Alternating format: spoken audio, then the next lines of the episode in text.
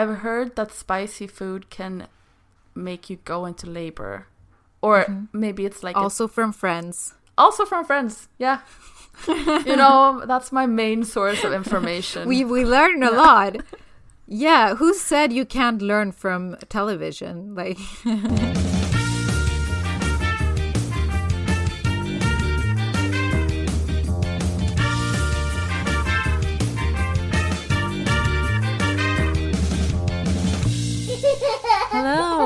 welcome to another episode of Pregopod. As you might know, last week we did an episode about myths and facts uh, regarding pregnancy and childbirth. It turned out really interesting, um, as is this episode, which is actually part two. Um, so, if you haven't heard last week's episode, I really recommend you to go to listen to that one first, because that one turned out, in my opinion, it turned out a lot better than this one because I sound really tired in this one. But I hope nonetheless that you guys enjoy. So let's just jump into it right away. Creams and oils can avoid stretch marks. And what I've heard is that stretch marks are pretty like genetic, like if you're genetically disposed to have stretch marks. Um, but I also say that if you like that kind of thing, go for it and p- pamper yourself, you know. Oh, we're so on the same level. This this is a myth. So Yeah. there's no evidence at all for certain oils and creams uh, to like uh, work. Um, well, I've and also like these companies do say this in order to make a few extra bucks and uh, they're gonna be like oh it's very good and it's it's um, coconut oil. You can use it on your tummy and you won't get any stretch marks. But there's no evidence to it at all.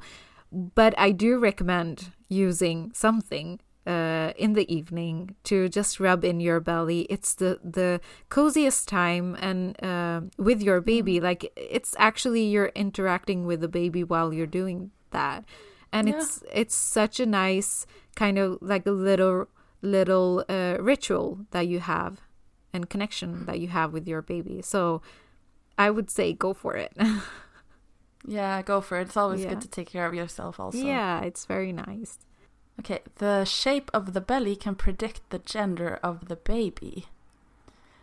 And I think there seems to be a lot of like gender predicting theories or myths. And I think that none of them are true. hmm So that's what I'm saying. Yeah. Well, uh, yes. I there's no way of finding out unless you do like genetic testing on those uh, cells on the cells of the baby, um, or you look with uh, ultrasound. Um, so the shape of the belly has nothing to do with what gender it is. But the saying goes that if you do have a low belly, it's going to be a boy, and if you have a rounder belly, it's going to be a girl. But it's not true at all. Yeah, that's what I've heard also. Like if you can if you can't see you're pregnant from behind, you're having a boy. Something like that I've heard. yeah, yeah. There are a lot of myths like that. I've heard like w- w- people use pendants and stuff as well to kind of like Mm. uh, to see which direction that the pendant goes, and uh, it's fun you to know do. the baby's genetic, uh, the like uh, yeah, gender m- magnet field of the baby or something. I have no idea how that will work. oh, you know? there are so many crazy stuff, Petra. You have no idea. Let me tell you. Let just listen out. So people actually, yeah. What people do is they um, they boil red cabbage so that the water of the cabbage uh, kind of releases, and then they mix it with their urine. And if it's it turns more of a pink color, then it's a specific gender, and if it turns more purple, then it's another gender. But I I don't remember. and this is actually really true. You can do no, it's not true at all. exactly. Everyone. And I feel bring like your red cabbage. like if even if it was uh like supposed to work, I would never have the like I would never have the patience to first boil something and then mix it with my pee and then wait five minutes to see what color that it turned out. But it, there are a lot of crazy out there stuff. This is like my jaw is dropped, and I'm just wondering, you know, about the first woman who tried this. Yeah. How many different vegetables and cabbages did she boil before she decided that red cabbage? She was like, "This one's one." working." yeah, exactly. Yeah. oh my god. wow. Okay, so the next one is uh, similar. It's that the heart rate of a fetus can predict the gender. So I I guess that's like the same answer. Yeah, have you heard that one No. too? Yeah, I have. I have. But I don't Mhm. remember if it's like if it's quicker than it's uh Yeah, I used to know this. I don't remember which. Uh, I used to know this. Like, if it's above 140, you're supposed to be having a girl, but um, it could be the other way around. I'm not sure because this is a myth. Uh, the normal heartbeat of a baby goes from 110 beats per minute to 160, um, and it has nothing to do with the gender of your baby. Yeah. Yeah. I I feel like I've heard of about a lot of these type of uh, Mhm. gender prediction things and yeah. I think most I think most people probably take them like you know with a grain of salt. They don't think they actually work, but it's it's a fun thing to do. it's I a think. really fun thing to do and i i think i Yeah. uh i did that with my first um i was like and i wrote it all up i had this these Yeah? different like which side are you sleeping on and um and do you break out or do you have perfect skin and stuff like that so uh but for me it was like really 50 50 so so it didn't work but um half of them worked. yeah, half of them really worked Yeah. so it's very reliable. Oh yeah. yeah, but it's it's a fun thing to do. Okay. Spicy food during pregnancy causes blindness in babies. I haven't heard this one mm-hmm. either. I've heard that spicy food can make you go into labor. Mm-hmm. Or maybe it's Also like a- from a, tip. Friends. I don't know if it actually also from friends. yeah. You know, We- we learn a lot. of information. Yeah, who said Yeah. you can't learn from television? Like, Exactly. I uh, mean, that's probably we learn a lot of incorrect things from all television series and movies, probably. yeah, Yeah. so this one is So- not true. No, No, it's not true. I've never like good. yeah, Indian babies are born with uh, vision, not the greatest Great vision. eyesight. yeah, great eyesight. no, uh, it does cause heartburn though. So uh, The next myth is that you can't dye your hair. And I've heard this one Mhm. too, but I, what I've heard is that you can't bleach your hair. hmm yeah, there are variations of this. Like uh, you, you can dye your hair, but it's not supposed to touch your scalp. Um, and I've yeah, Mhm. I've heard that one with bleach as well.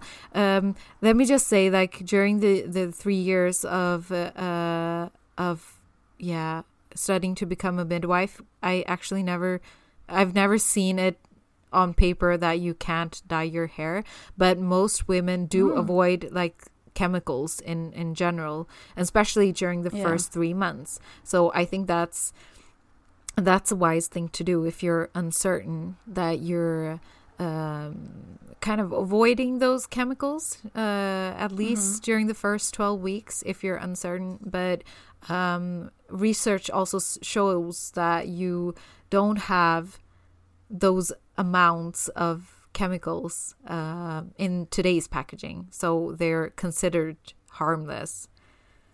So you can dye your hair. And I, I actually heard this from dye your hair. yeah I- I heard this from my hairdresser that like a lot of women do come in like just before giving birth to get like a nice hair color or a new haircut just before the birth um, and and yeah that's something that I I wouldn't have anything against if if, if a mom that I knew uh, was going to dye her hair I would be like you go girl No. Yeah, exactly. good. Especially like, yeah, you're gonna have a small baby soon. You won't Yeah. probably won't have so much time Yeah. on your hands to go to. Exactly. Why don't you Yeah, do it sure. after your birth when you have all the time you On the way home, you know, from the hospital. Yes. You can do it then while breastfeeding. Um, the next one is that if you're pregnant, you can't have sex. I don't think this is true. No, this is not true. You can have sex during your uh, pregnancy. Some some women do have an increased uh, libido, um, and s- for other women, it's the complete opposite. So you just um, Oh, yeah. you just go with the flow and uh, listen to your body. But um, what I do want to say, like sometimes you have like cervix insufficiency. So basically, it's it it, it your cervix isn't strong enough to not um like hold it together so it weakens. And um but your doctor is going to tell you then um that you're it's getting shorter. And that's the only reason that you shouldn't be having uh intercourse at that time. But otherwise if your cervix is okay then it's a okay Eh, okay, go for it. yes. Here we go. The next one is that you can't have coffee. And this, I feel like it is so devastating because I love coffee so much. But I think it's true. I think you can have coffee, but you cannot have like five cups a day. Maybe one or two. Maybe yeah two yeah unfortunately petra you're right uh you're uh, i'm i'm so sad I'm so sad. yeah because this is heartbreaking like you're you're it's not like alcohol i i feel like alcohol is something easier to give up but um Yeah. but coffee oh my god i have struggled so much with this. So basically what research so- shows is if you um, you shouldn't have more than 200 milligrams. So that's if you uh, if you have that one cup of coffee that's enough. You can potentially have another cup. It kind of depends on what uh how large that cup is. And if you're having a double i would say i'm not recommending a double expre- espresso but um but like um you really need to know how much caffeine is in the coffee. And it's not just about the coffee. Like if you're having coffee and then you're having coke uh basically you're getting Oh, more yeah. caffeine. So you have to really be uh thinking about that too. Also tea has caffeine um and also like energy drinks and uh, so so you have to be really uh careful with caffeine because it research well there are some research showing that um it's associated with low uh birth weight but yeah if it's one cup of coffee you enjoy that cup of coffee you know Yeah. Enjoy it. Yeah. My plan is to to get some really really nice caffeine free coffee. mm-hmm mm-hmm Just for the placebo yeah, again. yeah yeah exactly Yeah. yeah. you have to work around that Gotta do what you can if you're uh, addicted, you know. yeah oh i felt like having. Okay. so- a, a cup of coffee like uh, before calling you. I was feeling so down. I was like oh th- that would be great if i had a cup of coffee. But first of all it's it's way too late. And uh, yeah. yeah. Also like you have to you have to be like if you get pregnant you have to put yourself a little bit to the side and make a few sacrifices but for this one's tough this one's hard Okay, so the next one is that you can't have sushi. mm-hmm. And I think that I can have sushi because I will have vegetarian sushi. yes because I think it's a it's all about the salmon, isn't it? Mhm. All it's like if the salmon I don't know if it's it's been like frozen, it's okay, or is it the opposite? Yeah you're you're right it's uh, uh, well opposite is cooked and that's fine so well No, but this like is- if it's freshly caught Yeah. this morning, you know. Yeah.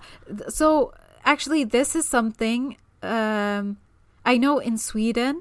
Uh, you're allowed. You're actually allowed to have sushi, uh, but some Oh. countries are really, really strict with the sushi, and they're like you can't have any at all. Um, and it's the same with the coffee. Like uh, co- coffee and alcohol. Some countries are like very, oh no, you're okay with coffee, and some people are like, no, not at all. Some countries, so it Mm-hmm. really depends on where you are. But I'm gonna tell you the logic behind not having sushi. Yeah.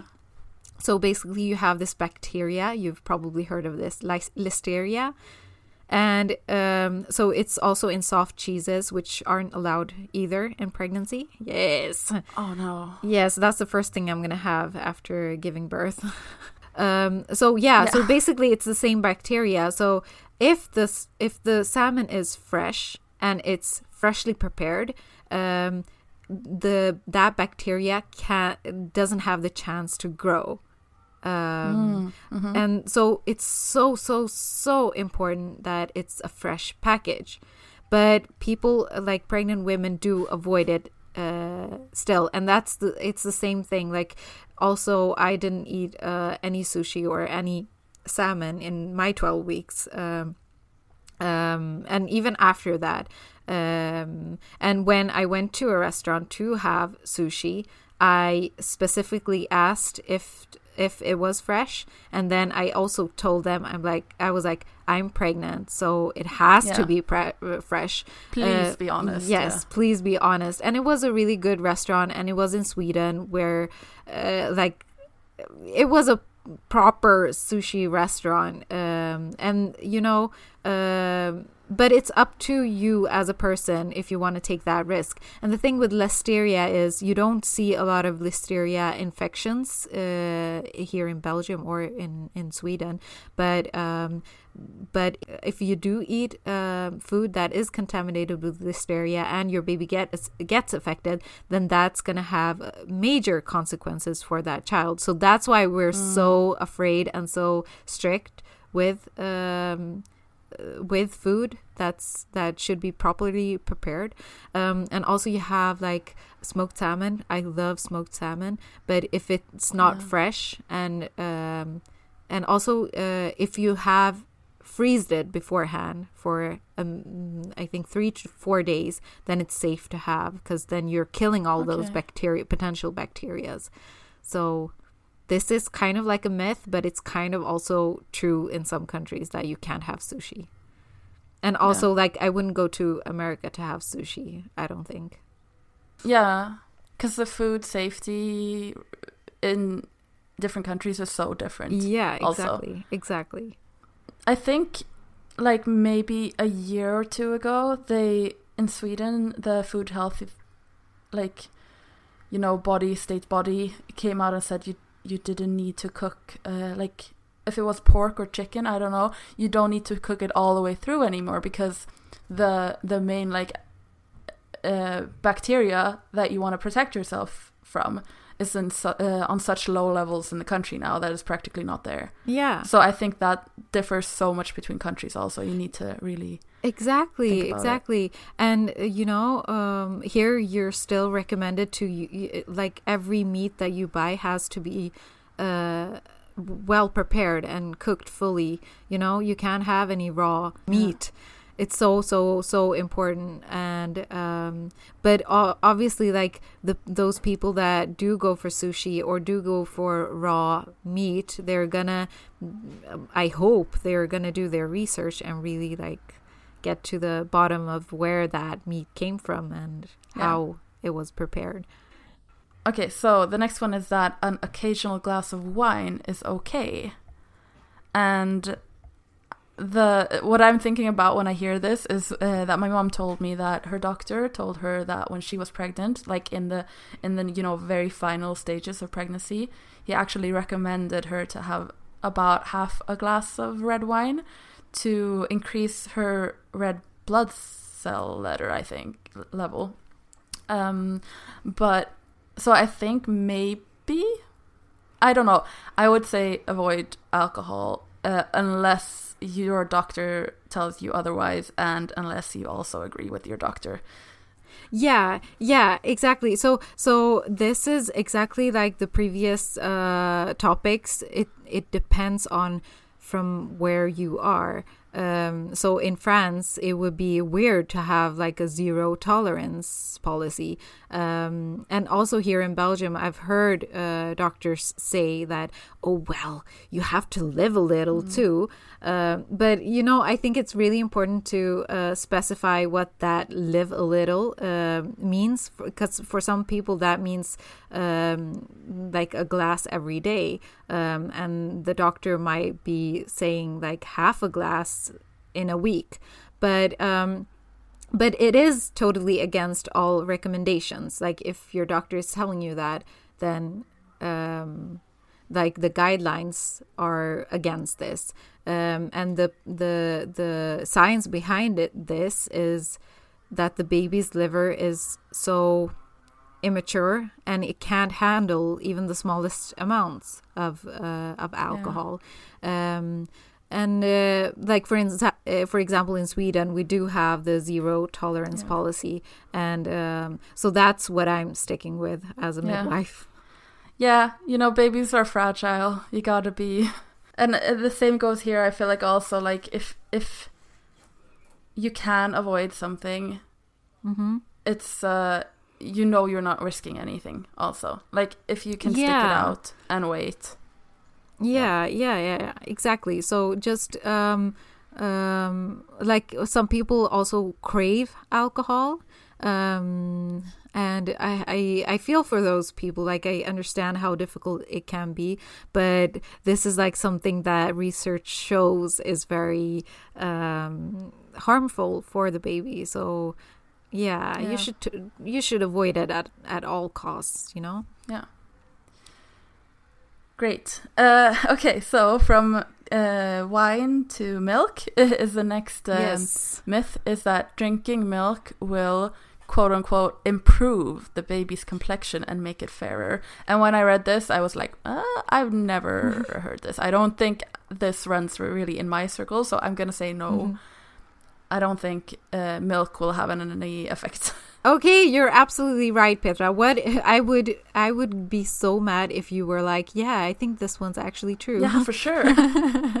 so no, this is like yeah. a common misconception in um, in India, in Pakistan, in Bangladesh. I've heard so many people say this, like you you um, uh, if you want a white baby, you have to drink a lot of milk. And I just get so upset every time.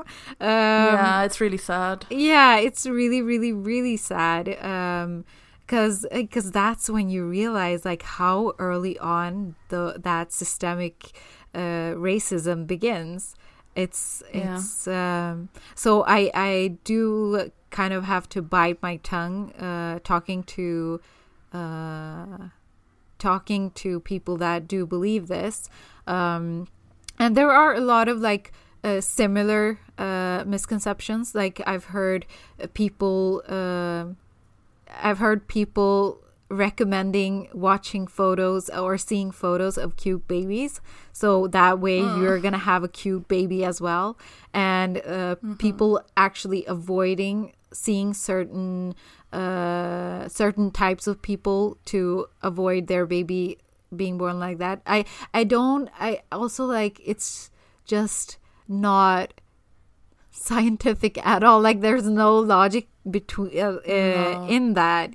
And that's what's the, upsetting me. Yeah, your baby is gonna be who the baby is gonna be, depending on genetics and yeah. everything like that. You cannot affect it. You I, I would hope you don't even want to affect it because your baby's gonna come out mm, all beautiful, exactly. super cute. Well, maybe not the first minutes, you know, but it will yeah. be super cute after that. Yeah, yeah. It just needs to unwrinkle a little bit. Just exactly. we all know how it is being in a yeah. pool too long. The next one is that twins are born a bit earlier and are also smaller at birth. And I I think actually this is true. I yeah, I think I'm uh, I must say yeah. Yes, this is true because yeah, you know, there's a limitation to how much the uterus can grow and also like how mm. much blood the placenta can send out so uh, they are born uh, a bit earlier and they are also uh, usually smaller at birth so this one's absolutely true okay so we have arrived to baby birth through Yes. pregnancy and con- conception and everything. So Mhm. the first myth we have is that once you have a cesarean, you can't give birth vaginally. And I think I've I've heard about one woman who did have I think two or three C-sections and she couldn't give birth vaginally her fourth baby. But I don't I'm not sure that it applies, you know, if you have one C-section because I think if you have one maybe it's still okay. Yeah, exactly. So, unfortunately, some people um, do have a cesarean the first time. It can be because the baby is not head down and it's your first child, and you don't want to risk. Uh, uh, you don't want to take those risks. Oh, I'm so dumb also. My my older sibling was born with a C-section and I wasn't, so I know this is it works oh, at least. yeah. really? What was the reason Yeah. behind that? Uh, no, her her first labor was like I think 32 or 38 hours or Oh, something. So finally okay. they got to the point where like okay, we're getting into a bad zone. So oh it's okay. wow. Oh, that's amazing. That that yeah, that really that really gives me hope. So my I really really want to have a natural birth. Unfortunately, like uh, the first time around, I um the baby's heart rate uh went so like it was so bad that I had to have a cesarean. So I'm really cur- curious as to how this pregnancy is gonna go and how this birth is gonna be. Yeah. But um, but yeah, it's it's true. Once you have a cesarean, what if wait, it's false. you, once you have a cesarean, you you can give birth uh, vaginally. Um, but uh, there is an increased ri- risk of the uterus rupturing. So you have a wound um, at that place. So you have a scar, and that can, you know, um, the uterus is is already so big and stretched. So uh, with contractions, you have an increased uh, risk. But um, it's perfectly uh, doable to first have a cesarean and then give birth vaginally. But it's like a 50 50 shot. So you can, by the next pregnancy, you can also have a cesarean again. Yeah. And also, like a lot of, at least gynecologists here, they let the woman choose. Like, if you have had a cesarean, you don't need to take um, the risk of uh, giving birth vaginally and potentially having that uh, uterus rupture. Um, but it per- it's perfectly doable. Yeah.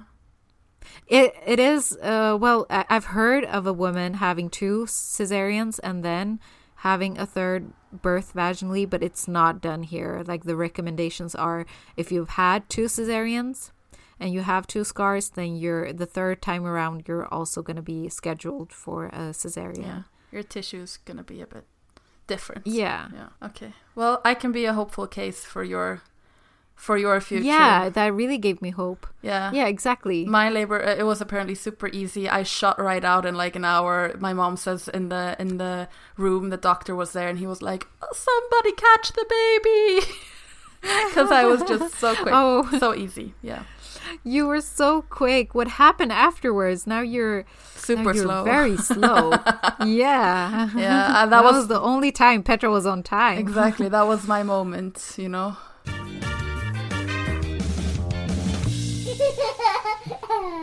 Uh, the next one is that moms instantly bond with their baby.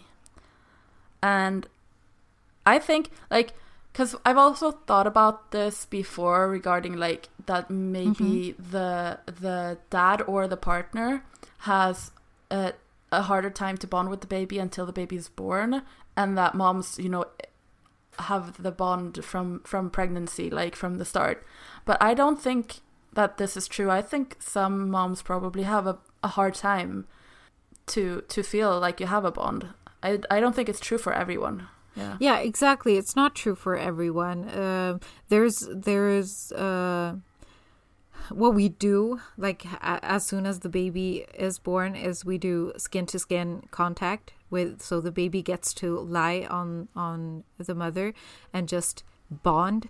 Um, but a lot of moms also acknowledge the fact that, and th- this is so tough, and I'm so impressed by those mothers that say we didn't feel that uh, in the beginning, and it just came like after an uh, after uh, a day or two um, uh, that love and that bond thing. Um, but um, it's such a it's such a big myth that they feel so bad about not feeling that instant bond mm-hmm. and it's so taboo because uh, uh, obviously for the moms that do feel that instant bond they're going to be like oh it was so special and it was like all the pain was gone. But some moms feel like the stitching afterwards and feel the contractions uh, of the placenta the placenta has to come out still. So they're still not in that in that bonding mode and that's completely fine. And you don't have to bond with your baby instantly and you don't have to feel bad about not bonding. Yeah. The next one is that good hips or small babies make for an easier birth. You know mm-hmm. you got them bir- birthing hips right? Birthing hips. Birthing hips. Um i don't think it's true because i think you can probably i don't know what what like good hips mean. Um I assume like your pelvic bone, the outside will not reflect the inside. You know, you can probably have quite a hard time anyway. I don't think it's true. Yeah. Okay. So, well, there is a bit of truth to it. So, if you define good hips by um, how wide the inner circle of the pelvic area is, um, and you say, "Oh, it's it's quite wide," then you have good mm-hmm. hips, and that is actually gonna make the birth easier, especially when the baby is also on the smaller side. Um, obviously, like if you have a big baby and then a smaller pelvis yeah. it's going to be more difficult um, but the thing is there's no way of finding out how good hips that you have beforehand like you can have like a uh, undergo go an uh, x-rays and stuff to find out but oh. um, usually it's not done you don't want to do that when you're pregnant either do you no and you can't see a woman and be like oh she got them good birthing hips no yes. exactly i feel like you can't see wide hips on the mm. outside doesn't necessarily mean like wide set yeah. pelvis on the inside Exactly, exactly. But it is like if you do have a wide set pelvis and you do have a small baby, then uh, it will be easier for that baby to come out and that way lead to an easier birth, but it doesn't have to. So, the final one we have uh, is that if you're pregnant with twins, you have to have a C section. I've never actually heard about the delivery of twins, so I'm gonna guess, and I'm gonna guess no. No. Also, from friends, I'm gonna say no. Oh, yeah. That's true. We've learned yeah. so much from friends. Wow, that was such a good show. no, so if you're pregnant with twins, you don't have to undergo a C section. Uh, it it does depend on how the babies are lying. So, first on their positions. To make it easier, if you have two placentas, you have two sacs, and you have two babies that are lying in a good position, and you have a good labor and uh, strong uh, contractions, then you you are likely to have a very good twin birth. How does that work? Do, do baby do twins line up? Do they queue? Yeah, so they can. They both can lie head down, and they both um, can be head up. Um, so they have these different uh, positions. Um, the uh, the worst position is if uh, the first baby is coming down the bottom first. So it's a breech baby, yeah, and um, so be- and the other baby is lying head down. So that's a example of not being able to you shouldn't be birthing those babies naturally because their uh their uh, chins can interlock and they're just going to be stuck that way in a really really bad ba- way both Oh. babies so that's really dangerous um, so preferably they're gonna be both uh, head Oh. down but it's also possible to birth the first child head down and then the second uh, child in breech. Believe it or not, we have reached the end of this episode. Thank you guys so much for tuning in. It's been absolutely lovely. Keep the feedback coming, and thank you guys for showing your support. It means the world to me. Um, and hopefully, I'll hear, hear from you next week in a new episode of Prego Pod. Bye!